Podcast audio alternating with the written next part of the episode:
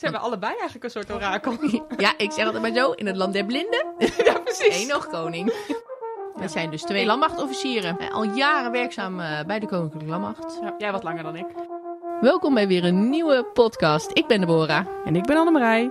Welkom bij Klapmok met thee. We gaan eh, beginnen. Ja, we gaan beginnen. We gaan gewoon beginnen. Ja. Wat leuk. Ja, Wat leuk dat jullie weer luisteren. dat sowieso. Ik voel dat gewoon, dat er allemaal mensen naar ons luisteren. Ja, op dit Ja. moment? Ja. Wat leuk.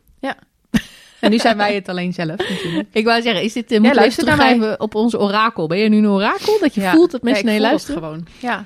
ja. Mensen die nu in de HDV zitten bijvoorbeeld. ja, ja. Die na, na onze les denken, hey, eh, we gaan eens even luisteren. Ja. Nou, het zou leuk zijn. Mhm. Dus een beetje blijven plakken. Ja. ja. Ja. Ja, dat zou echt heel leuk zijn. Want ze moesten toen natuurlijk. Ja, we hebben eind december hebben we, hebben we gewoon een gastcollege verzorgd in de Ja. HDV. Ja, zeker. En, ehm, eh, en toen vroeg Deborah van, eh, luisteren jullie eigenlijk ook naar ons? Nou, ik heb allemaal, allemaal handjes en zo. Maar ik zag volgens mij ook in de reacties, ja, het was ook een voorstudie. Lekker makkelijk.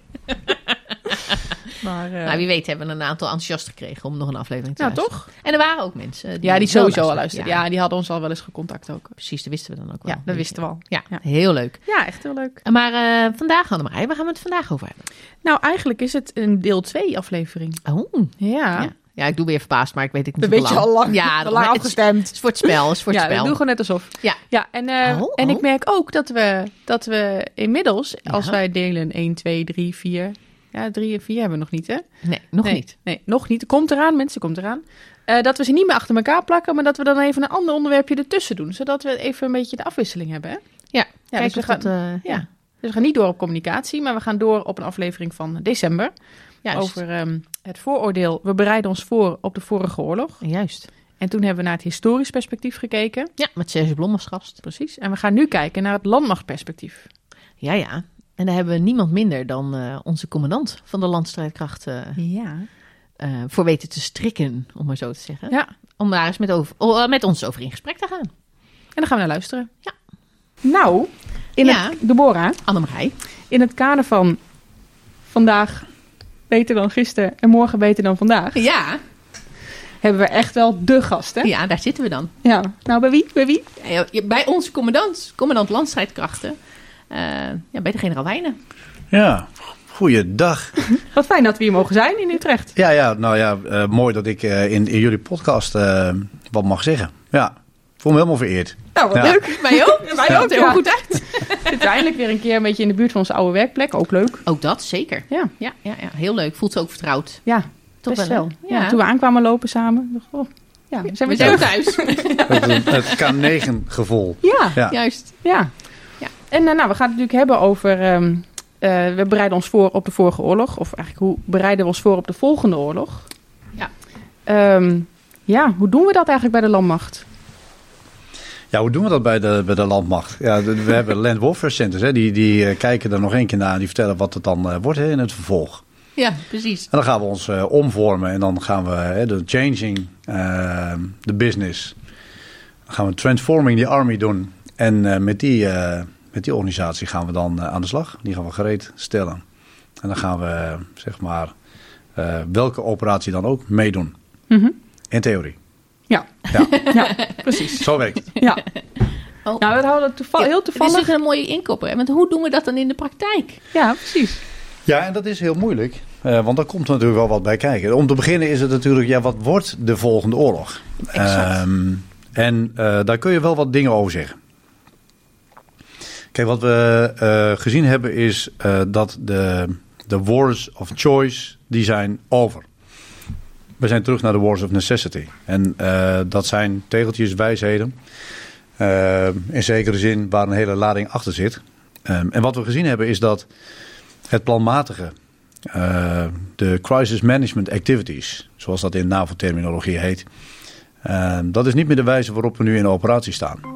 We gaan eigenlijk weer terug naar de verdediging van de bondgenootschappelijk grondgebied. Dat is eigenlijk wat in essentie er nu aan de hand is.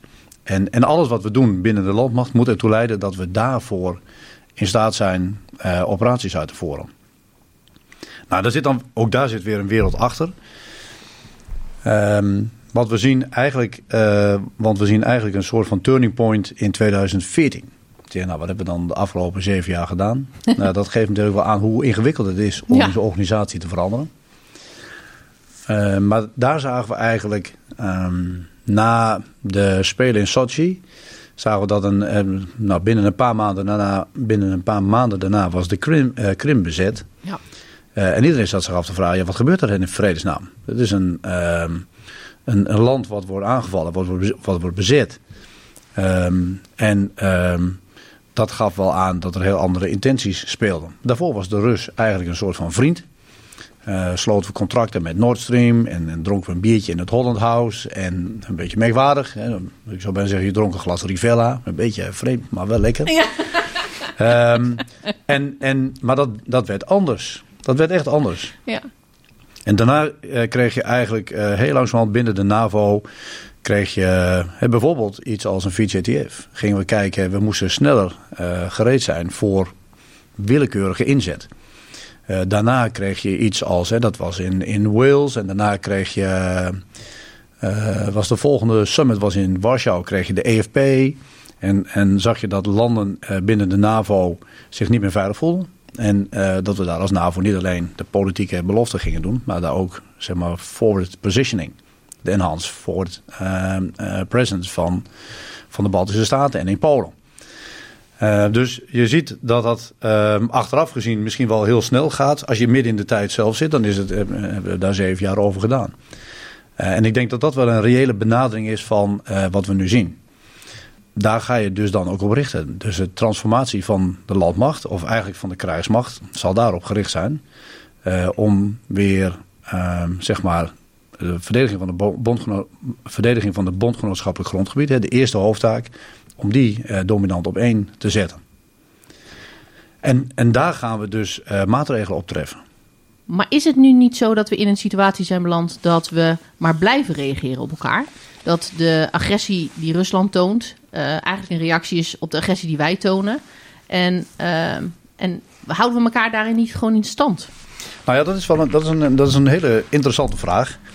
Nou, zeker. Um, dat is, omdat dat wat zegt over... Uh, kijk, we hebben een escalatiemechanisme. Ja. Het is niet zo van, nou, uh, je trekt een wenkbrauw op en ik ben van de leg en ik val jou aan. He, er zitten allerlei stappen tussen, tussen de eerste ja, belangen, uh, tegenstellingen en uiteindelijk een, een full-scale war. En gelukkig maar zo. Uh, maar heel belangrijk is om uh, over escalatiemechanismen, over, over een escalatiemechanisme te beschikken. Maar misschien nog wel belangrijker, een de-escalatiemechanisme. Ja. Uh, goed krijgshistorisch voorbeeld is de Eerste Wereldoorlog.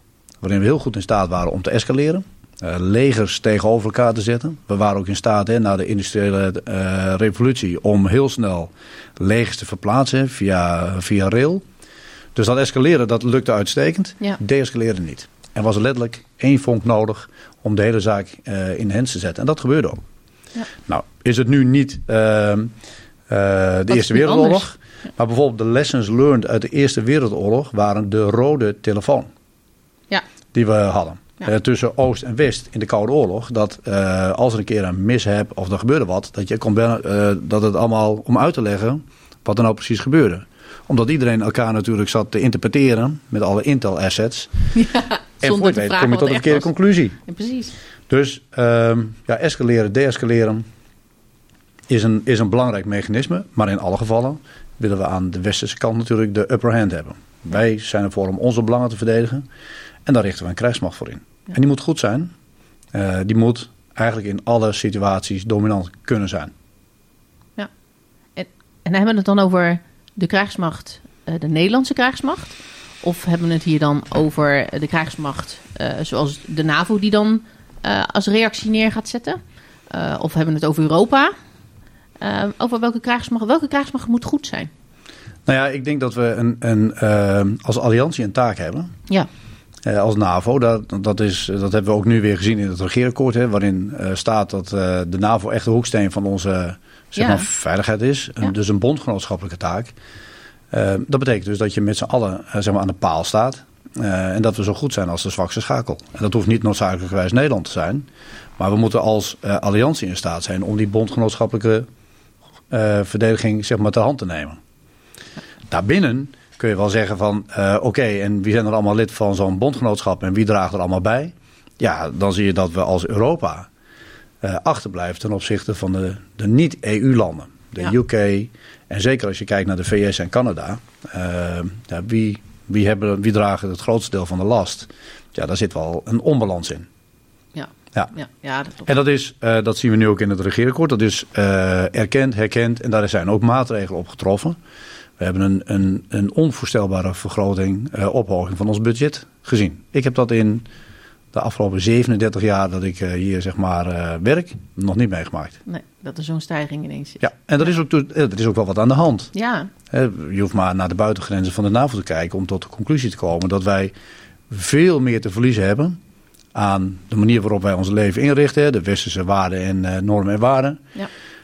uh, dan, uh, dan menigeen misschien wel bevroed. Ja. Dus ja, er ligt ook wel een opgave. Ja. ja. En die rol die wij daar dan in spelen, moeten wij dan alles kunnen of moeten wij vooral in één ding heel goed zijn?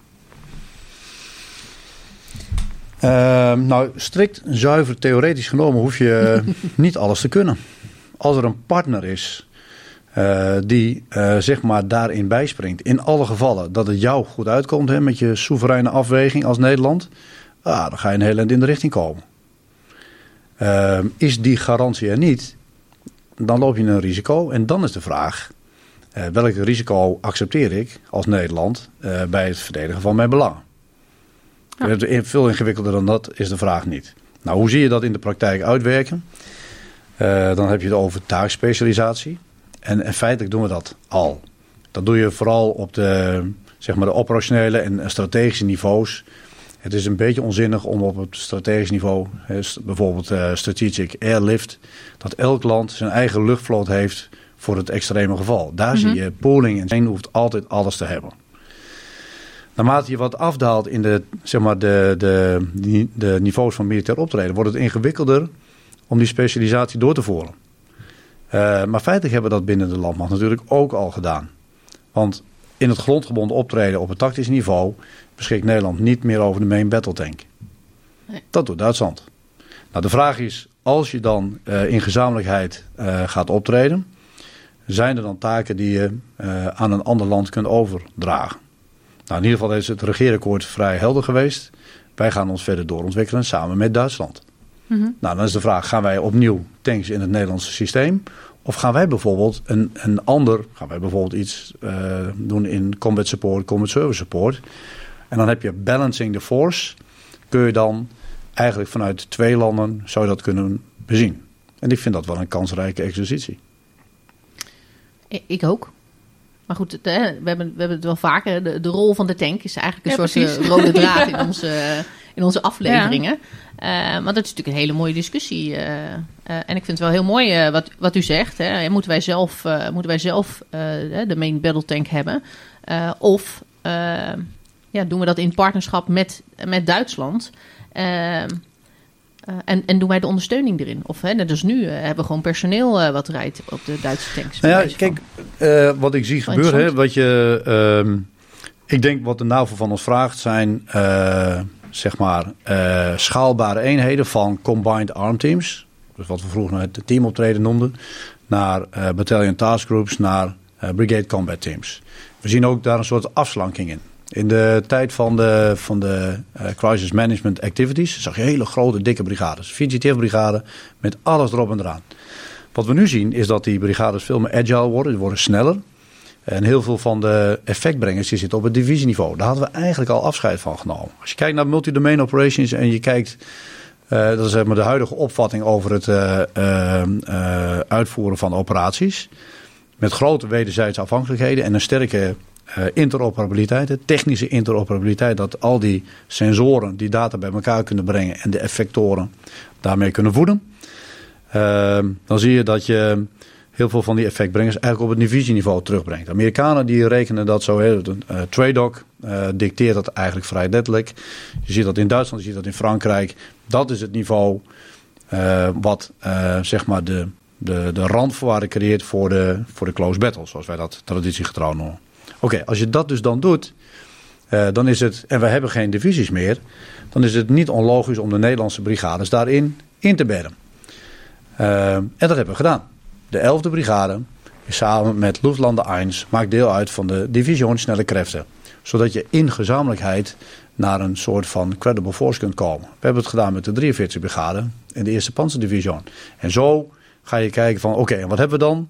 En wat moet er dan gebeuren? Nou, bijvoorbeeld bij de 43e brigade schort het aan de combat support en combat service support om die brigade agile, slank, maar wel in staat te stellen om zijn gevecht te voeren.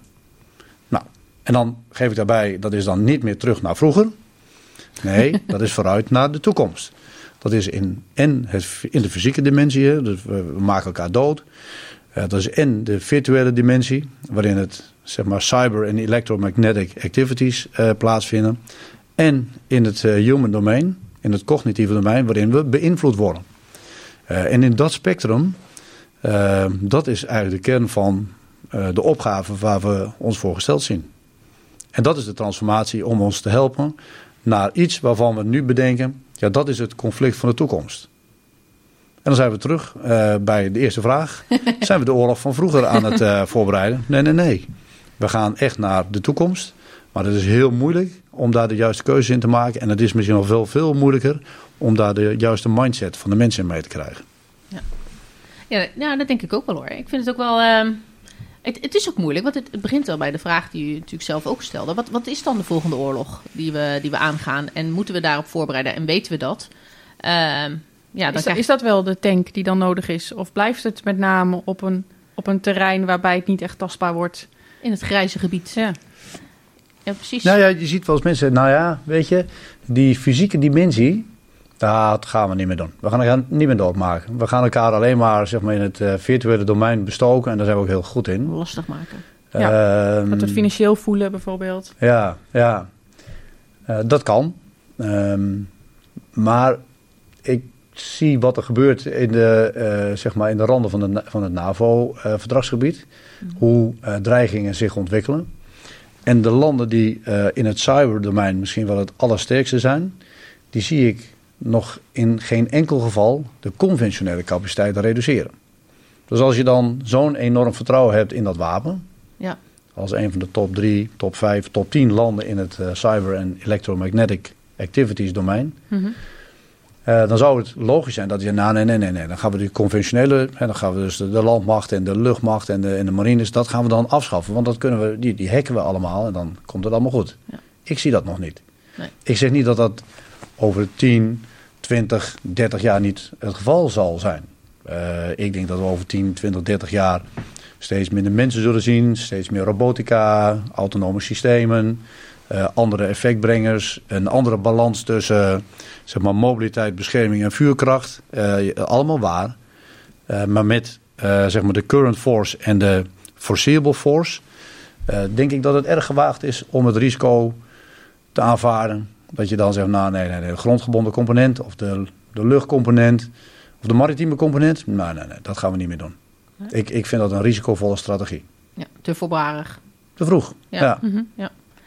Uh, als ik dit dan zomaar hoor, is, is onze organisatie, en misschien alleen de landmacht kijkende, is die daar al klaar voor?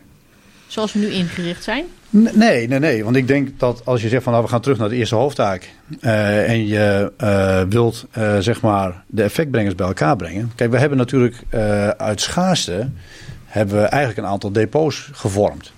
Waarbij we modules gaan samenstellen. En dat deden we dan in uh, zeg maar de Crisis Response Operations, Crisis Management Activities, zoals de, de NAVO dat zegt. Uh, dan wisten we wat het mandaat was. Dan wisten we wat de organisatie was. We wisten wanneer we gingen beginnen. We wisten wanneer het ging eindigen. Um, we brachten al het materiaal bij elkaar. Dat deden we heel goed. Dus we hebben leren wennen aan als je daadwerkelijk operaties gaat uitvoeren, heb je al je materiaal en het doet het allemaal. Je hebt al je voorraden, je hebt al je mensen. En als dan iemand afviel, dan uh, als SNR of als uitzendcommandant schreeuw je moord en brand. Want er moet nu een replacement zijn en dan ben je helemaal klaar en dan ga je je werk doen. Waar we naartoe terug moeten is dat je hebt je eenheden. Je moet werken aan je readiness. Uh, vervolgens, de operationele gereedheid is niet voor niks het thema binnen de NAVO. Uh, en we doen fight as we are. Ja. Dus een aantal systemen doet het. Een aantal systemen heeft beperkingen op schieten. Een ander systeem heeft beperkingen op, op zijn verbindingen. Eh, er zijn een paar lui die zijn vacature. Daar hebben we drie man te veel. Dit is wat het is. Daar gaan we het mee doen. Succes. Ja, en dat is heel snel gezegd. Ja, Ehm, maar to operate as we are is als je komt uit een tijd van geplande missies. Ja. eh, we hebben twee, drie generaties daarmee heel goed zien worden. ja, Is een enorme shift in mindset. dat denk ik wel, ja. Ik vind het ook heel interessant namelijk. Want hoe ga je daar dan mee om? We hadden, we hadden zelf namelijk altijd de discussie. Hè, ik ben natuurlijk van de verbindingsdienst. En dan hadden we de discussie tijdens oefeningen. Mogen wij dan, mogen wij dan zelf ook trainen? Hè? Mogen we zelf ook zo'n server uitgooien dat zo'n hele bataljonstaf, brigadestaf geen verbinding meer heeft? Eh, omdat het gewoon in de praktijk ook voorkomt dat die eruit ligt. Of misschien wel als eerste eruit ligt en dan. Eh, en dan zie je toch van nee, nee, want dan hebben we altijd een reserve of dan hebben we altijd nog een, eh, een backup hier. En dat, dat, zo hoort dat ook, hè? dat doe je ook op die manier. Ehm, maar ik vind het super interessant om in, die, in dat gedachtegoed al te zitten. Want we gaan eigenlijk altijd uit dat we trainen in een ideale situatie waarin iedereen er is, hè, waarin we alles hebben en alles het doet. Eh, om dan die slag te kunnen maken naar, oké, nu heb je de helft van je personeel niet. Of hè, tien man niet. Of nu heb je dat systeem niet. Of daar niet, maar hier wel. Nou, noem alle varianten, hè. Kunnen we alle Ja, varianten opnoemen. Ja, ja. Maar het is super interessant gedachtegoed, want dat doet wat met je. ja en, en er is eh, eigenlijk maar één methode voor om aan de voorkant daar wat aan te doen. En dat is werken aan je, aan je operationele gereedheid. Ja, ja. Eh, dus je probeert binnen de beperkingen je personele gereedheid te optimaliseren. Heb ik mijn mensen, zijn ze opgeleid. Ja. Je probeert binnen die grenzen je materiële gereedheid te optimaliseren. Heb ik mijn spullen en doen ze het. Ja. Heb ik mijn voorraden. Eh, binnen diezelfde beperkingen probeer je zo goed mogelijk voor te bereiden op iets waarvan je niet weet wat het is. Hè? Want dat hebben we net gezegd, je weet niet wat het is. Nee. Dus je maakt een soort van puntenwolk, nou dat. Dat is je, zeg maar, eh, je gereedstellingsprogramma. Ehm, en dat leidt dan tot een soort van operationele gereedheid met een bepaalde readiness category. Je Ja. moet binnen 3, 5, 10, 30 dagen moet je ergens kunnen staan. Ja. Ehm, en dat is een mindset, die kennen wij niet meer. Nee, Ehm, en eh, dat, maakt het, ja, dat maakt het interessant. Want iedereen die het zo uitlegt, die zegt... nou, nee, nee, nee, klinkt echt volstrekt logisch. Maar ons hele systeem, tot en met de vredesbedrijfsvoering aan toe... is daar niet op ingericht. nee. Exact. En dat is de mooie opgave. Ik, ik vind het heel interessant. Ja, we hebben het hier toevallig nog over gehad, hè? Over die vredesbedrijfsvoering en eh, hoe we in een conflict situatie eh, werken. Ja, nee, zeker. Zeker, want dat is natuurlijk ook even, even de vraag. Hebben, want waar wij altijd heel goed in zijn als, eh, ja, als landmacht, is eigenlijk dat we overal, eh, wanneer we ingezet zijn, zijn we flexibel, kunnen we schakelen, zijn we snel, eh, we gaan mee. Maar als je dan kijkt naar hoe we nu ingericht zijn, en dan met name met die vredesbedrijfsvoeringsmindset, dan zie je daar toch wel eens verschil in. En zouden we dan niet beter de organisatie zo kunnen inrichten dat we altijd in de juiste mindset zitten? Altijd met de juiste, of de, de spullen zitten, of op de manier werken zoals we misschien operationeel ook werken? Of, Ja, of voor mij zitten er, er zitten twee, twee dingen in. Ik kijk altijd naar de wereld in. ehm, ehm, je kunt kijken naar je systeembenadering. Ja. Ehm, de systeemwereld. Dus dan ga je een organisatie bouwen met taken, verantwoordelijkheden, bevoegdheden. Je gaat middelen toewijzen en daar ga je het mee doen. Dus dat moet je optimaliseren. Ja. Daarnaast heb je de leefwereld. Dat is de interactie, de gevoelens, de command atmospherics. En daar moet je hard aan werken. Nou, ik zou bijna durven zeggen dat je beter het tweede voor elkaar kunt hebben. Met een krakkemikkige organisatie. Dan dat je een glanzende organisatie hebt, ISO gecertificeerd. Met een, met een krakkemikkige leefwereld. Ja, Eh, maar beide is waar. Ja. Wil je succesvol zijn, moet je beide optimaliseren. Eh, dus ga je kijken van hoe heb ik mezelf georganiseerd. En kan ik snel reageren? Ik heb net al wat gezegd over agiliteit. Je moet sneller in staat zijn om op situaties te kunnen eh, anticiperen. Dus dat zou een, een systeemopdracht zijn. ja, En eh, eraan te wennen dat je moet leren omgaan met onzekerheden. En dat aan de voorkant je dat dus niet kunt minimaliseren door het optimale personeel. En alle certificeringen en alle opleidingen, et cetera, et cetera. Nee, dit is wat het is. Hier ga je het mee doen. En oh by the way, aan het eind van de dag houdt het niet op. We gaan dus niet terug naar de main operating base. Maar de fight gaat door. ja, ja, je blijft even hangen. Ja. En hoe gaan we dan mensen meekrijgen in die mindset? Ehm, ja, dat is eh, een kwestie van opleiden, maar ook een kwestie van vormen. En wij zijn heel goed geworden in irregular warfare, in crisis management activities. Daar zijn we echt gewoon heel goed in geworden. Ja. Maar we moeten nu weer heel goed worden in eh, eigenlijk gevechtsoperaties. Ja, ik heb het wel eens vergeleken. Want burgers zeggen, wat, wat, praat die man raar? Eh, en dan zeg ik van, het is net als turnen.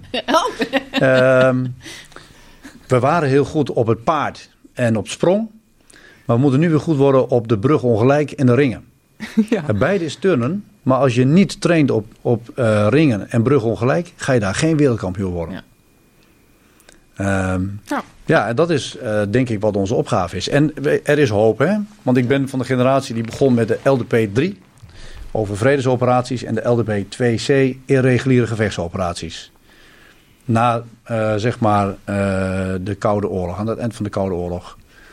Ik kwam van de HMV, dat is zeg maar de HDV, maar dan van vroeger. Mhm. En dan weet je gratis, weet je meteen, zat je in een schrijfteam voor doctrinepublicaties. en de LDP2C, daar moesten we terug naar Bronbeek, naar de oude VPTL, hè, de oude documenten, om weer te begrijpen wat het was om irreguliere operaties uit te voeren. Maar is dat ook iets wat we nu aan het doen zijn dan? Ja. Want nu zijn we de BD'er aan het inhuren om te kijken hoe we ook weer moesten gaan opereren met de tank bijvoorbeeld. Ik, ik het, was eh, nog geen BD'er. Nee? Nee? Nee? Nee, nee, maar je, kijk, Nee, maar die wat je moet doen is proberen de kennis weer terug te halen. En dat, dat kan. Hè. We, we hebben heel veel internationale contacten. We hebben ook mensen eh, bijvoorbeeld bij Trade ook geplaatst. Mhm. Ehm, en daar moeten we van leren. We moeten daar onszelf weer... ehm, ja, je moet ook niet in een soort van in zak en as, as op het hoofd strooien. De, de geween en... Het, nee, nee, nee. We kunnen best wel best veel. Ja. Maar we moeten beter worden. Uh, bijvoorbeeld, hè, als een, eh, met een brigadeoefening. Eh, dan heeft de brigadecommandant ook altijd iemand eh, die, ehm, nou, die hem ondersteunt of die meekijkt en die hem van advies kan voorzien in hoe hij de brigade leidt. Of zij, als Ja. we een keer een vrouwelijke brigadecommandant hebben. Dat is meestal een BD'er. Dat is toch iemand die in een ander tijdperk is opgegroeid. Ja. En waarom doen we dat? Nou ja, wat mij betreft hoeft dat ook niet. Kijk, wat ik het voordeel vind van eh, samen trainen met, in een Duits verband... is dat je een divisie als trainingsplatform voor een brigade hebt. Eh, en wie dan de observer, controller of trainer is... dat maakt dan op zich niet zo heel veel uit.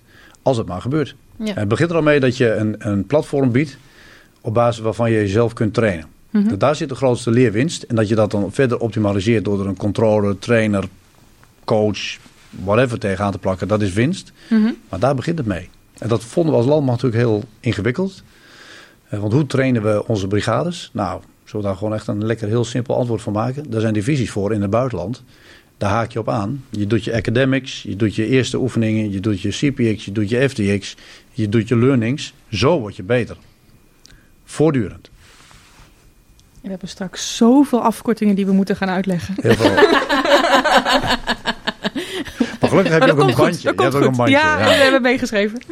Ze komen er allemaal aan, mensen. Ja. Oké. Ehm, Ik je ik, zal, ik, zal een, eh, ik zal een vraag stellen en dan meteen ook zelf beantwoorden. wat, wat nou het hele ingewikkelde is, is dat we die, die, die, dat toekomstige conflict kunnen we heel moeilijk begrijpen.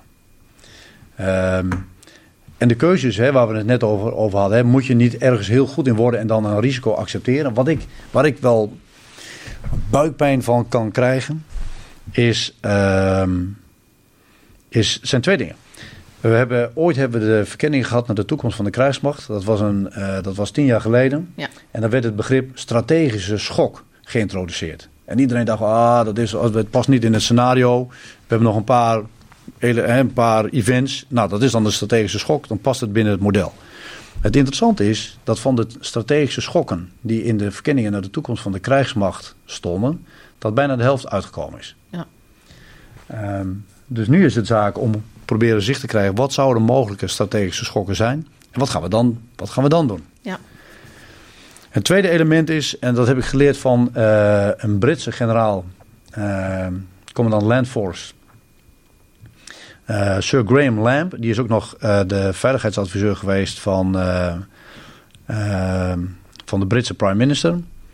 En die zei, het is alsof we tegenwoordig in een soort hele donkere ruimte staan. Eh, en ergens gaat er een deur open. En ineens zie je, ah, daar is het licht. Dus wat doen we? We gaan ons mikken Mhm. op de het punt op de horizon. En daar gaan we ons helemaal op voorbereiden. Hup, deur gaat dicht. En even later gaat daar de deur open. Nou, we gooien de zaak om en we gaan ons daarop richten. Hij zei, ja, we zien geen, geen concreet punt meer op de horizon waar we ons op kunnen, kunnen richten. En dat was natuurlijk in die oude, zeg maar, de tijd van onze crisis response operaties, was dat natuurlijk het geval. Uh, hij zegt, maar we weten dus niet precies waar het naartoe gaat. We weten wel dat de geweldsniveaus hoog zijn. En het enige wat we kunnen doen, is de organisatie zo inrichten dat we heel snel kunnen, kunnen, kunnen, kunnen, kunnen wisselen. Wendbaar. Dat is het toverwoord. Uh, robuust en wendbaar. Dat is de opgave waar we voor die, uh, waarmee we die capabilities bouwen. Want als je iets bouwt waar op een gegeven moment uh, zeg maar in een operatie geen behoefte aan is, dan ben je irrelevant. En in onze tak van sport wil je nooit irrelevant zijn. -hmm. En toch vind ik het wel interessant. Want hè, we hebben het in de vorige aflevering, waar we natuurlijk ook met Serge over hebben gesproken, was dat als, als de vijand altijd met iets, hè, de opponent is eigenlijk het betere woord, als die met iets komt, met iets nieuws, dan, is er altijd, dan gaan we net zo lang, is er al heel snel iets tegen.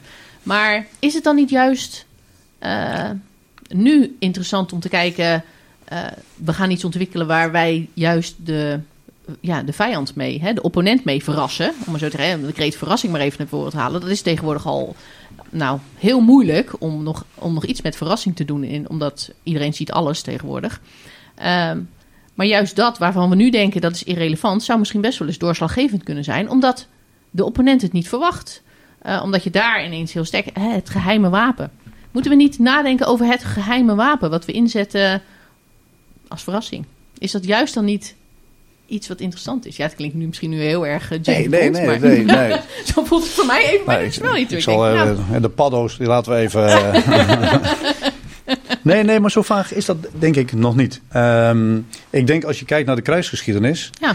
Uh, dan zie je de zogenaamde, wat Amerikanen noemen... de revolutions in military affairs. Ja. Um, en dat gaat al zover terug als de voorlader en de achterlader... Uh, die dus bepaalden dat je dus niet meer uh, hoefde te staan als infanterist, maar kon blijven liggen. Dat maakte dat je een beslissend voordeel had in het gevecht. Ja. Um, en die heb je tot en met bij wijze van spreken de uitvonding van de atoombom aan toe, heb je revolutions in military affairs gehad. cyber en electromagnetic activities, de radar. Er zijn doorbraaktechnologieën geweest die uiteindelijk ehm, het gevecht beslissend hebben veranderd. en één ding is zeker, dat is wel een comfortabele gedachte die revolutions of military affairs, of revolutions in military affairs, die zullen blijven. Ja. De grote vraag is, heb ik er meerder dan mijn tegenstander? Ja, precies. Wie heeft hem? um, en het tweede element wat, daar, wat ik daaraan wil koppelen is, um, we leven in een tijd van uh, technologie. Um, vaak wordt gesproken over exponential technologies, vaak ja. gedreven door uh, computertechnologie. Waarbij de rekenkracht nog steeds elke anderhalf jaar verdubbelt. Ja. En dan krijg je van die prachtige hockeystick curves. Ja. En die creëren disrupties. En disrupties hebben we uh, natuurlijk in allerlei takken uh, van sport gezien. Die hebben de takken van sport niet zo letterlijk, maar in maatschappelijk, maatschappelijke gebieden, in, uh, in industrieën. nou, een van de mooiste voorbeelden is natuurlijk Kodak die zijn 100-jarige bestaan vierde met de grootste omzet ooit. Vijf jaar later waren ze failliet. Want waren ze ingehaald door eigenlijk de, de, de simpele cameraatjes, daar begon het mee. De korrelige fotootjes. Uh, en inmiddels is foto en fotomateriaal is geen winstgevende business meer. Want we doen het op onze smartphone. We hebben het allemaal. We hebben het allemaal. Nou, het interessante van disrupties is dat iedereen ziet de disrupties bij de buren. Ziet hem zelden bij zichzelf. En de grote vraag is, hoe voorkomen wij dat we disrupted worden door een tegenstander. En hoe kunnen we een tegenstander disrupten? Ja. Um, en dat is wel, ja, daar komt de technologie natuurlijk binnen. En hoe gaan we dat dan doen? Ja. En dan denk ik dat we als Nederland, nou, met de entrepreneurial mindset die we hebben, wij zijn wel een beetje uitvinders en we zijn misschien niet de grootste, maar we zijn ook voor heel veel, even terug naar de landmacht, zowel voor Frankrijk als Duitsland als andere landmachten in Europa, kan ik jullie wel melden, een soort van testbed als het in Nederland werkt, dan, nou, dan heb je goed kans van dat het misschien elders ook wel werkt. Ja, interessant. Ja. En dan nog heel even over, eh, als bijvoorbeeld met integratie met Duitsland. Um, wat dingen samen doen met Duitsland. We hebben de twee ene hebben net al even over gehad. Um, In hoeverre kunnen we daar dan... ehm, is dat dan van ons? Of kunnen we in het begin hadden we het over gehad, hè? We zijn natuurlijk een soeverein land. Eh, dus iets, eh, een capaciteit zomaar weggeven aan een ander land... Dat, is, eh, dat moet je eigenlijk niet willen. Je moet, er zelf, je moet het kunnen, erover kunnen beschikken als het nodig is. En in hoeverre is dat zo met die, nu met de integratie eh, in die Duitse eenheden? Bijvoorbeeld zo'n tankeenheid. Die garanties, hè? Ja, die garantie, ja. Ja, daar moet je hele goede afspraken over maken. Ehm, kijk, eh, een soeverein land heeft eh, idealiter eh, zeg maar zijn eigen capaciteiten en beschikt daar soeverein over. Op het moment dat je dat in een multilateraal verband doet, neemt je soevereiniteit eh, af. Zeker als daar over en weer afhankelijkheden zijn. Daarom zie je dat bijvoorbeeld een VGTF ehm, eh, met een beperkt aantal landen gemakkelijker werkt dan bijvoorbeeld een ehm EU-battengroep met heel veel vlaggen. is. Ja. Ehm, dan gaat het over interoperabiliteit. Dan gaat het over de procedures waar je mee gewend bent te werken. Dan gaat het over taal, identiteit. Hè, dat is een beetje al die aspecten van, van interoperabiliteit. Hè. Dat zijn er drie, eh, om precies te zijn. Technisch, cultureel en procedureel. Ehm, maar het maakt ook de politieke besluitvorming eh, gemakkelijker. Eh, als je het met twee landen doet. Eén land is het allergemakkelijkst. Twee landen, nou, naarmate er meer landen zijn, wordt het moeilijker. Ja. Eh, en dat maakt denk ik eh, het vraagstuk in Europa interessant. Want 28 legers bouwen eh, heeft niet zoveel zin meer. Dat is 28 keer overhead. Dat is 28 keer een niet-balanced force. Mhm. Ik denk dat we als Nederland en als landmacht, en dat is nu ook in het regeerakkoord, denk ik, wel zo gezegd, zijn we echt koploper als het gaat, als het gaat over binationale integratie. Ja. Waarbij er geen Duitse soldaat wordt ingezet door een besluit van de Nederlandse regering. En er wordt geen Nederlandse soldaat ingezet door een besluit van de Duitse regering. Dat is de Nederlandse regering, dat is de Duitse regering voor het eigen land. Ja. Eh, maar daar kun je goed afspraken over maken. En wat dan bijvoorbeeld helpt, is dat, de, dat wij dezelfde strategische cultuur hebben. In Duitsland en in Nederland gaat uiteindelijk het parlement doet de laatste knik. Dus eh, ja, maar dat artikel 100, dat is alleen maar informatieplicht en eh, geen instemmingsrecht. Nou, kijk wat er de afgelopen eh, eh, nou, decennia gebeurd is. Dat geeft het parlement veel meer mandaat om een besluit te nemen of bij de besluitvorming betrokken te zijn. En nog steeds, als er wat gebeurt en de regering neemt een besluit, dan gaan we echt rollen. Maar we zijn daar wat terughoudend in. Dat is in Duitsland ook zo. Dus het tempo van de politieke besluitvorming zal wel eens hetzelfde kunnen zijn. En dat geeft ons de mogelijkheid om die integratie ook vorm te geven. Ja. Nou, dat is wat er gebeurt. Ja. Ehm, en dan zie je soms. Ja, we hebben nu één iemand in een Duitse grondgebonden luchtverdedigingseenheid in Mali zitten. Omdat het een operator is die in Duitsland schaars is, schaars is en in, in Nederland niet. En dat gaat, dat gaat eigenlijk wel prima. Eh, dus je ziet allerlei vormen en smaken. En naarmate je verder met elkaar integreert. Dus je gaat samenwerken, je gaat integreren en zelfs specialiseren. eh, gaat dat, nou, leidt dat tot ja. vertrouwen en wordt dat Ja. steeds makkelijker. Maar is het, is het dan, willen wij daarmee als Nederland en Duitsland ook een voorbeeld zijn naar andere Europese landen? Zijn we al. Eh, ja, Zijn we pakken al. die dat over? Ja. Nou ja, om maar eens een voorbeeld In te noemen. Hè, want noem een concreet voorbeeld. Ik noem een concreet voorbeeld. Ehm, ik was een week of vier geleden was ik bij een oefening van eh 1GNC. Ja. Trainingsplatform. En daar zat de 20e Panzerdivision met onze 37e brigade. Dat wordt de VCTF-brigade. Die onder leiding stond van de kolonel uh, Tjeerd Blankenstein. Eh, daar trainde Brigade Noord van de, nou, de Noorse Brigade Noord. En de Multinational Division Central. Dat is een interessante, want Ja. dat is namelijk een door Hongarije geïnitieerd, geïnitieerde eenheid. Waarbij Hongarije, Kroatië en Slowakije in één divisie hun capaciteiten samenbrengen. Oké. En wat dacht je waar ze dat gezien hebben? Nou ja, bij, eh, bij ons. Nou, omdat Maar iedereen ziet dat balancing the force Ja. in je eentje gaat tot een suboptimale, eh, tot een suboptimaal resultaat leiden. Ja, ja. En daar zit ook een aantal, dat heet dan like-minded nations. Die hebben bij elkaar gezegd van oké, we brengen die capaciteiten bij elkaar. Eh, Hongarije heeft de lead ehm, als framework nation. En we zorgen dat we met z'n allen een eh, credible capability, want dat is de op- opdracht, hè, dat je eh, iets vormt wat in, wat in staat is om een operatie uit te voeren. Ja. Nou, en inmiddels kun je deze collega's echt wel om een boodschap sturen. Nou, wel leuk om, leuk om te zien dat het, dat, nog, het, dat het toch zo werkt. Hè? Want wij, wij doen het al jaren, de samenwerking met Duitsland. Eh, en we zien ook, in de- dat wordt eigenlijk alleen maar steeds, steeds meer en steeds, eh, steeds meer geïntegreerd. Ehm, ik vind het wel leuk om te zien dat dan binnen Europa dat dat toch, gaat, toch, toch zijn vruchten afwerpt. Hè, in het kader van eh, hè, het, het werkt. eh, hè, dat anderen dat ook zien. Dat ze dat Ja. gaan overpakken. Ja. Ja.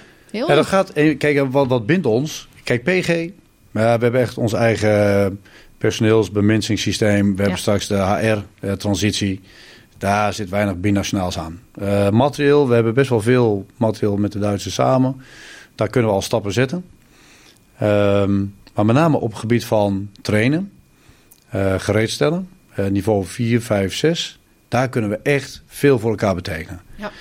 En als we dat doen, dan, gaan we, dan moeten we op dezelfde manier gaan opereren. Dus dat leidt tot eh, procedurele interoperabiliteit. Hè. Dus battlebooks, SOP's moeten hetzelfde zijn. Als we dat hebben bereikt, dan hebben we bij vervanging van systemen... gaan we naar dezelfde operationele, eh, operationele eisen. Operational requirements hebben we het dan over. Ja. Dat hebben we dus nu net gedaan met eh, het Assault platform van Luchtmobiel. Hè. De, de, de 12 keer Air Assault ging niet helemaal goed. Bij de vorige zeg maar, aanbesteding, dat, die leverde niet de kwaliteit, niet eh, binnen het financiële kader. Dus niet voor het geld wat we ervoor beschikbaar hadden. En zeker niet binnen de tijd die we ervoor bedacht hadden. Nou, dat contract is beëindigd. Maar nu doen we het samen met Duitsland. Ja. Zelfde voertuig. En wat onze directeur eh materieelsorganisatie zegt, we gaan niet naar interoperabiliteit. We gaan naar interchangeability. Dan maakt het niet uit of er een geel kenteken of een wit kenteken op Mhm. zit, maar het is hetzelfde. Ja.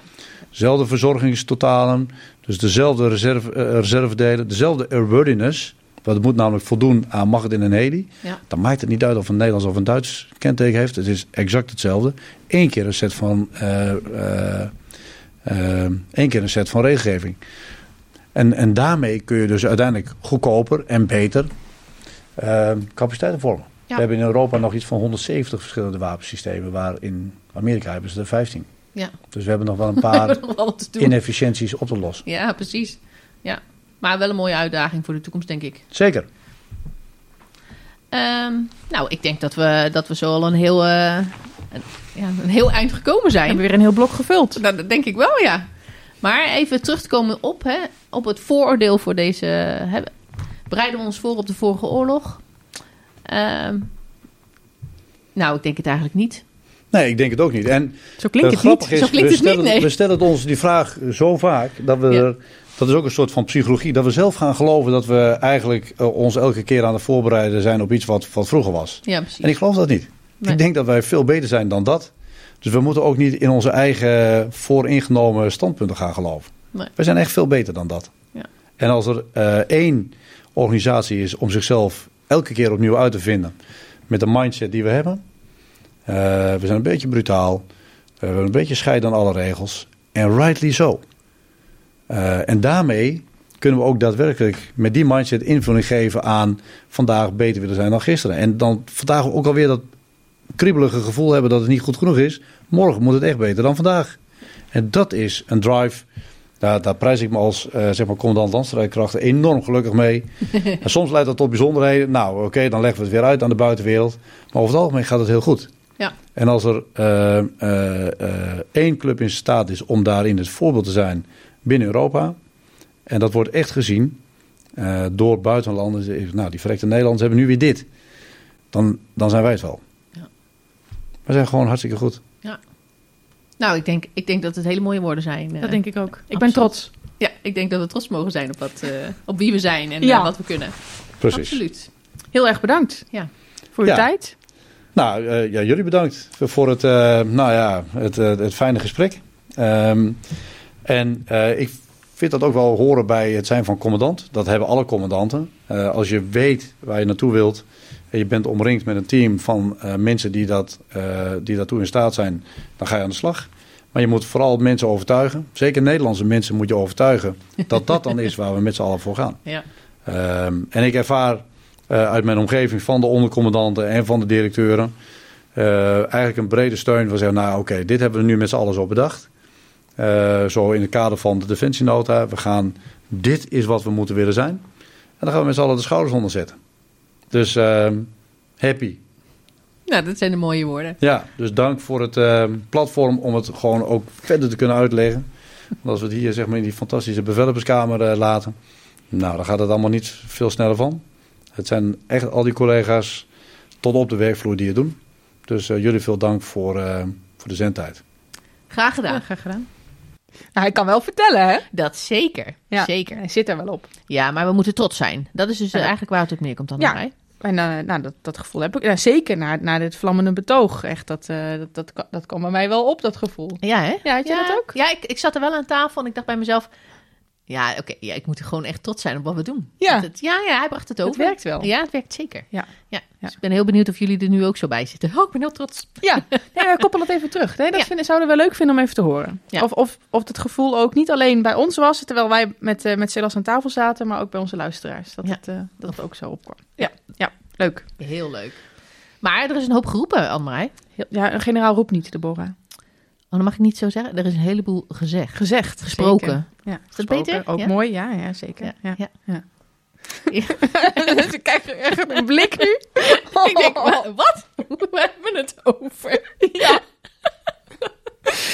Ja. Maar je hebt helemaal gelijk. ja. Je hebt Ja, dat helemaal weet ik. Oh god. Oh, wordt het zo'n Oh, momentje. sorry. Zo'n dag. Ja, Ja. nee. Maar, Maar, ehm, eh, ja. ik denk dat het even goed is. Hè? We hebben nu het hele, het hele gesprek geluisterd. Ehm, wat vond je, ja, we vonden ervan, we zijn trots. trots gevoel, kijken we Ja. op terug. Maar wat is je opgevallen? Wat viel jij op? De afkortingen. ja, de hoeveelheid afkortingen kwamen vooral. er ook niet tussen, Nee. om ze even uit te leggen. Dus eh, Nee. misschien zijn er een paar dingen waar we nog heel even op in moeten gaan. Ja. Ehm, nou, ik denk eh, het onderwerp de tank gaan we het denk ik nog wel eventjes over hebben. ja, ja, ja. Ehm, ja, ga je nu een hele opsomming doen van waar we Ja, het over gaan hebben? Waar wil je mee eh, beginnen? nou zeg ja, het maar. Begin eens met die afkortingen. Hè? Er waren een aantal afkortingen Ja, die, hij, eh, die hij gebruikte. Hè? Zo Ja. hebben we het gehad over het MDO. Dat heeft hij wel een beetje zelf ja uitgelegd. hè? multi-domain operations. Met die Juist. verschillende Met die lagen. Ja, Ja. ja. dus dat, eh, dat, en misschien kunnen we daar nog wel een keertje op terugkomen. Ja, de met een ander vooroordeel. Ja, Gaan we nog, precies, daar doen we gewoon nog een keer een aflevering Ja, over. precies. Die komt er nog aan. De Ja. TRADOC. ja Tredok. Ja, volgens mij, dat is in ieder geval in Amerika. Ja. En volgens mij zijn dat de doctrineontwikkelaars. Ja. Wij Ja. hebben het eh, in eh, Nederland, we hebben Otco, waar ik natuurlijk werk, het eh, Land Warfare Center. Dat doet dat voor, voor ons, hè, voor Ja. de landmacht. En de Tredok doet dat voor En, Amerika. Nou, dat. Ehm, de SNR. Ja, de SNR was ook wel leuk. Ja. de Senior National Representative. Ja. Dus degene die namens Nederland ja, de, de, de basis in het gebied. Zo Ja, een beetje, hè? De hoogste militair in, het buiten, in een missie in het buitenland of in een, bij een eenheid in het buitenland. Een SOP, Ja. Standard Operating Procedure. Hoppa. Hoppakee. Gebruik eigenlijk- ik ook in het dagelijks taalgebruik. Jij ook? Ehm, nou ja, als, als SOP. Ja, soms wel. Dat is eigenlijk iets wat standaard Bijvoorbeeld is. hoe je de badkamer schoonmaakt. Is dat, heb je daar een SOP voor? Kijk, Annemij, ik ben dan misschien ook wel met een militair getrouwd. Heb je dat niet? Maar dat hebben wij dan echt niet. Oh, We hebben geen SOP hoe we dat doen, hoe we de badkamer schoonmaken. Nee, Hm, we hebben wel SOP voor de au pair. ook. Ja, Ja. Ja. Nee, en wij ook niet. Maar jullie leggen graag alles vast, hè, als jurist. ja, nee, precies. En dan kan je er ook op rekenen. en Ja, nee, wij, doen, wij, doen, wij zijn wat impulsiever. Oké, Ja. Zoals het Ja, aankopen van een bank ook. bijvoorbeeld. Ja, dat doe je gewoon zo, zonder te weten hoe groot die is. Ja, hoe groot die is en hoe die lekker zit. Prima. Ja. Ja, leuk. Ehm, de CPX, Ja. Command Post Exercise. Oeh, In tegenstelling tot de FTX, Field Training Exercise. kijk. Ja, dus bij de ene ben je eigenlijk met de staf op oefening. Ja. En met de andere ben je echt met eenheden op oefening. Ja. Ja. Ja. En met de staf dan beoefen je eigenlijk, doe je net alsof je ergens, eh, nou het is allemaal eh, Ja, conflict. het is meer en, eh, procedures, dat je dan ja. meer eh, traint en zo. ben- ja, je bent met de volledige staf, maar je hebt niet echt eenheden daaronder die dan ook dingen in het veld aan het doen zijn. Daadwerkelijk. Precies. Op invulling geven aan je ja, opdracht. en met een. FTX is dat wel, want dan heb je ook echt allemaal eh, manschappen die mee zijn en die moeten allemaal dingen doen in een oefen, oefenterrein. Zo geeft ook een beetje gelijk een relatie naar eh, de niveaus hè, waarin we oefenen. Hè. Ja. Dat, eh, dat gaf hij ook al aan. Hè. Niveau hè, 4, 5, 6. Ja, daar had hij het over. Ja, en dat heeft alles te maken met, eh, met hoe groot de eenheid is waarmee je oefent. Precies, want Hè? niveau 1 is individueel Ja. en niveau 6 is brigadeniveau. Ja. Met alles daartussen. exact. Ja. Nou, dan hebben we het wel een beetje behandeld, denk ik, hè? Jawel, er zijn er vast nog wel meer geweest, maar Ja, maar mocht dit- je echt zitten ja. te springen, dan horen we het wel. laat het even weten. Dan Ja. leggen we het nog even uit. Zeker. Oké. Ehm, ja, ik wil nog wel even hebben over die tank. Ja. Want ik weet dat jij daar iets van vindt. We hebben ook een bijdrage gekregen van iemand die, eh, die er ook iets van vindt. Ja, zeker. Ehm, wil je daar eerst wat over vertellen? Nou, ik, ik, ik, we hebben natuurlijk even de, de rol van de tank hè, als rode draad door deze, door deze drie luik, om maar zo te zeggen. Althans, het is een voorlopige drie luik. Dit is deel 2. Ja. Er komt dus Ehm, nog een derde aan. Ja, dat weten ze toch al. Dat is dat al gezegd. Ja. Oké. En, maar deze, de- deze deel 2. Is toch een beetje, hè, altijd een beetje de discussie van ja, die tank, wat is dat, wat mo- moeten we nou een tank hebben of niet? Maar ik vond eigenlijk dat eh Celas, hoe die het uitlegde. Je eh, bent het er ineens wel mee eens. Ja, maar dat is toch ook zo? Want hij zei ook niet, we moeten een tank. Nee. En, en dat vind ik ook niet. Ik vind ook niet, we moeten de tank. Ik denk dat wij als Nederland eh, prima gebruik kunnen maken van de tank. Eh, hè, en dat kunnen we doen door eh, dat we de samenwerking met Duitsland eh, op, opvangen of, of, of aangaan. Dat zijn we eigenlijk al. Hè. We zijn de samenwerking met Duitsland al aangegaan. Hè, zij hebben de tanks en wij leveren Ja. nu manschappen. Of hè, mans, bemanning. Het is niet alleen Mensen. manschappen. We- De bemensing voor de tank leveren wij. Ehm, maar eigenlijk wat, wat Celas zelf ook zegt, hè, misschien gaan we ons in de toekomst meer focussen op de ondersteuning eh, van de tank. Mhm. de, de bevoorrading van de tank. Of eh, Ja. de- ge- geef het de naam, Ja. eh, in plaats van dat we daadwerkelijk de tank aanschaffen. En ik denk dat het geld wat we, dat we ja, daarmee overhouden om niet te investeren in een, in een fysieke tank, dat we die gewoon in andere ja, onderdelen kunnen inzetten, waarin we onze specialismes laten, laten zien. En- Dingen die, die wel te behappen zijn voor ons ja, als want klein weet land. je, een, een tank aanschaffen en eh, weet je, uiteindelijk wat, ko- wat kopen we dan? Kopen ja, je we hebt niks in één 12 tank, hè? tanks. Je moet dan gewoon een Nee. eenheid direct ook weer maken. en Ja, zo. precies. Maar Ja. stel dat we 12 tanks kopen. Wat, wat zijn die 12 tanks nu van meerwaarde in het grotere gevecht? Weet je wel? Dan denk ik, nou, dan kun je beter landen hebben die heel veel tanks hebben. Eh, la- laat die dan het tankoptreden doen en laat ons dan aanvullen. Mhm. Eh, met daar waar wij goed in zijn. Misschien wel Ja. met de panzerinfanterie. Ja, eh, kijk, precies. En vanuit het idee dat je onderdeel bent van, van een groter geheel. Ja, van een groter geheel. Ja. Dus ja, ik Ja. snap, ik snap dat, de, dat je misschien eh, hè, als, als opties, om alle opties open te houden, eh, aanspraak wil kunnen maken op een tank. Maar moeten we daarvoor zelf een tank hebben? Nee, dat denk ik niet. Ja. Denk ik niet. Ja. Maar zo, zo, eh, zo staat Zeelast er ook in, begreep ik. Ja, nou ja, vooral, ja, kijk, als je helemaal de capaciteit helemaal niet meer hebt, Ja. dan, en je hebt hem uiteindelijk wel nodig, kan je er dan van op aan, als een ander land het wel heeft, eh, dat wij daar gebruik van kunnen maken. Dat is ook Ja. een heel goed punt wat hij maakte. Ja. Ehm, het is natuurlijk ook waar wij het wel eerder over gehad hebben. Eh, als je iets kwijtraakt, je hebt het niet meer, je bent afhankelijk van mensen die, die, eh, Ja. die er al lang uit zijn om jouw kennis, om, om jou dan dingen weer bij te brengen als het weer nodig is. Ja. Dan ben je, loop je altijd achter de feiten aan. ja, dat denk ik ook. Dat denk ik Ehm, ook. Dit is natuurlijk een manier om kennis op peil te houden. Ja. Ehm, het is een manier om in die internationale samenwerking, en nou binationale samenwerking in dit geval, Ja. eigenlijk op een heel vergaand met Duitsland dingen samen te doen. Ja. Ehm, waarmee je eigenlijk weer nieuwe mogelijkheden krijgt. Ja, precies. Ik denk dat dat heel sterk is. Dat denk ik ook wel. We hebben elkaar echt gevonden. Ja, nou ja, ja precies. En eh, ja, die garantie die je hebt, dat gaat de tijd leren. Ja. Dat zal de tijd moeten gaan leren. Ja, in hoeverre we echt tot dezelfde besluitvorming komen. En of Ja. dat net zo snel gaat. Of, Ja. eh, of dat dat toch eh, iets anders is. Ja. Ehm, maar het geeft je wel weer kansen. Ja. Aan beide kanten, denk ik. Nou, dat denk ik ook. Omdat je, wederzijds afhankelijk... Je hebt, maar je hebt ook wederzijds afhankelijkheden. Ja, ja, die zijn noodzakelijk ja. voor die en, samenwerking. ja, en dat, ehm, nou, dat geeft ons ook weer mogelijkheden. Dat geeft, en, en, ook, en, en beide landen, ik denk als er weer er zijn, als er discussie is over het budget, ja, dan, dan is het natuurlijk ook fijn dat je kan zeggen, nou, we hebben gewoon afspraken en daar moeten we ons ook aan houden. Ja. Dus, eh, eh, dus hier kan je even niet in snijden. Nou ja, dat dat is ook zo. Dat, behoud. Dat, dat is ook een stukje behoud, ja. Ik denk Ja. dat het ook wel goed en slim is om Dat dat, zo op deze wel. manier weg te zetten. Ja. Ik vind het dan wel even interessant om even terug te komen hè, over wat jij zei over die... eh, ja, dat, dat de kennis dan verloren gaat en dat je dan op zoek moet naar mensen die die kennis nog wel hebben, hè, Ja. de BD'ers. De- Hebben we ze weer? Hebben we ze weer. Ja, ik wil toch even zeggen, de mensen Ja. die buiten dienst zijn. Kijk, die mensen hebben natuurlijk een, een enorme hoeveelheid ervaring opgedaan. Zeker. Maar ik vraag me altijd wel af, wat is de houdbaarheid Ja. van een BD'er? Ja. En, eh, hè, want hoe lang wil je teren op, op de ervaring van iemand die, eh, die de dienst uit is? Ja, en hoe lang blijft het relevant? Nou ja, precies. Ik denk dat Ja. we daar ook best wel kritisch naar kunnen zijn. Eh, hè, want hoe lang kun je nog hetzelfde verhaal vertellen? Of hoe lang eh, vanuit je eigen ervaring... Past het nog bij het huidige, Juist. huidige verhaal? Ja, Ja, ja, huidige situatie. ja. En, en wie moet die eh, conclusie dan trekken? Wie moet dan zeggen, moet dat, is dat de organisatie die op een zeker moment zegt, nou, we gaan er geen gebruik meer van maken? Ja, het was heel, je was heel waardevol. Ja. Maar nu hebben we een andere, meer. andere BD'er. Die wat, die een de versere BD'er. verse BD'er. Juist. Of, ehm, of is dat ook een, een, een verantwoordelijkheid van jezelf om te denken van, nou, ik heb dit nu eh, een paar jaar gedaan. Ja. Ik heb overgedragen eh, wat ik in mijn rugzak heb, Ja. heb opgebouwd Ja, al die precies. jaren. Ja. En nu is het weer tijd voor een verse Voor de nieuwe generatie eh, BD'ers om... Ja. Nou ja, ik denk... Ja, ik vind het lastig. Ik denk dat Ja. beide moet zijn. Maar goed, ja, ik ben benieuwd of ik het besef heb als ik dadelijk BD'er ben en van alles vind. En het En ook dat- heel leuk vindt. en ook heel leuk vind om te doen. En, de, en, en, en bij de organisatie wil blijven en dat soort dingen. Wanneer ik zelf door heb, Als jij straks als generaal eruit gaat, dan wil jij ook nog dingen bijdragen. zeker. Ja. Zeker, ik weet het nu al. Dat is nog steeds moeilijk. lesgeven vanuit mijn eigen ervaringen en zo. Ja, maar dat Ja. is moeilijk om dan te zeggen van nou, weet je, ik ben nu klaar en eh, ik stop ermee. En eh, nee, maar ik heb, ik, heb nog allemaal, ik heb nog zoveel wat ik nog mee wil geven. Want daar hebben jullie iets aan, organisatie. Ja. ja. Dus ik snap ook wel dat dat, en ik denk dat is ook waardevol. Ja. Ehm, en heel goed dat, dat, dat er mensen zijn die dat willen, die er bereid Ja. zijn om dat nog te doen. Als, ehm, Ja, maar ik hoop wel dat ik in staat zal zijn om te zeggen: oké, en de Borat was leuk, maar nu is het een ander. Ja. Nu ben je echt, nu moet je echt gaan genieten van eh, andere dingen. andere dingen. Ja. Ja. Yoga.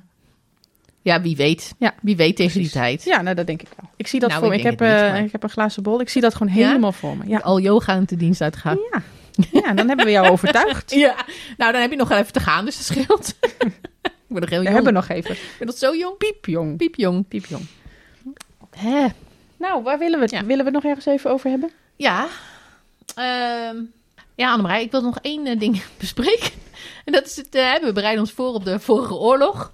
Hè, we, we- zoals Celas dat al aangaf, hè, we hadden vroeger de luxe om te zeggen... we kijken naar de war of choice. Maar tegenwoordig kijken we naar de wars, eh, war of necessity. Dus Mhm. eh, waar moeten we ons voorbereiden? Gezien de dreiging ook eh, die, we, die we ervaren. Ehm, ik denk inderdaad dat we ons niet eh, aan het voorbereiden zijn op de vorige oorlog.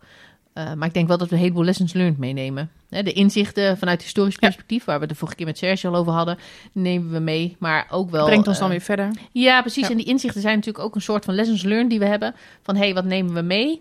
Maar ik denk ook, hè, gezien de dreiging die we nu hebben, dat we echt aan het nadenken zijn. Oké, wat, wat, wat, is ons, wat is onze volgende oorlog? Dat weten we natuurlijk niet. Eh, maar wat kunnen we verwachten gezien de dreigingen die om ons heen zijn? En wat moeten we daarvoor kunnen? Juist, wat hoe bereiden we ons daarop voor? Hè? Ja. Wat, wat wordt ons geheime wapen straks? Ik denk dat we daar wel eh, over aan het nadenken zijn. Ja. Of eh, aan het kijken zijn wat voor... Hè, want die verwachten we dan uit de technologische hoek te komen. Ehm, of misschien zou het dan juist niet moeten. Oh, Of juist niet, inderdaad. juist. Maar het is geheim. Dus dat, ja, eh, dat, dat weten we niet. Nee. Wat zitten we hier nou voor complot eh, Ja, te creëren? Heerlijk. Ja. We weten zelf nog Maar niet je wat wil dus dat, ja, een ge- geheim wapen, waar, zodat je die eerste slag kan slaan. Juist, en dat je misschien wel Verrassing kan creëren. Oeh, kan zijn. Ja, goed, hè? ja, je dubbele punten voor een MLO. Hoppakee. Ja. Dat bedoel ik. Maar dat is, eh, dat, dus is dat wel iets waar we op moeten gaan focussen. Ja. Dat is misschien iets, eh Annemarij, voor, eh, voor een volgende keer. Ja, Want, eh, ja, wil jij hem doen? nou, nou, we zijn natuurlijk al ons gesprek met Celas begonnen met vandaag beter dan gisteren, morgen beter dan vandaag. Ja. Maar hoe worden we overmorgen beter dan morgen? Juist. Nou, dat lijkt me een mooie cliffhanger voor een volgende aflevering. Annemarij. Dus eh, bij deze bedank ik je voor deze aflevering. Jij ook. En eh, zeg ik tot de volgende keer. Tot de volgende keer.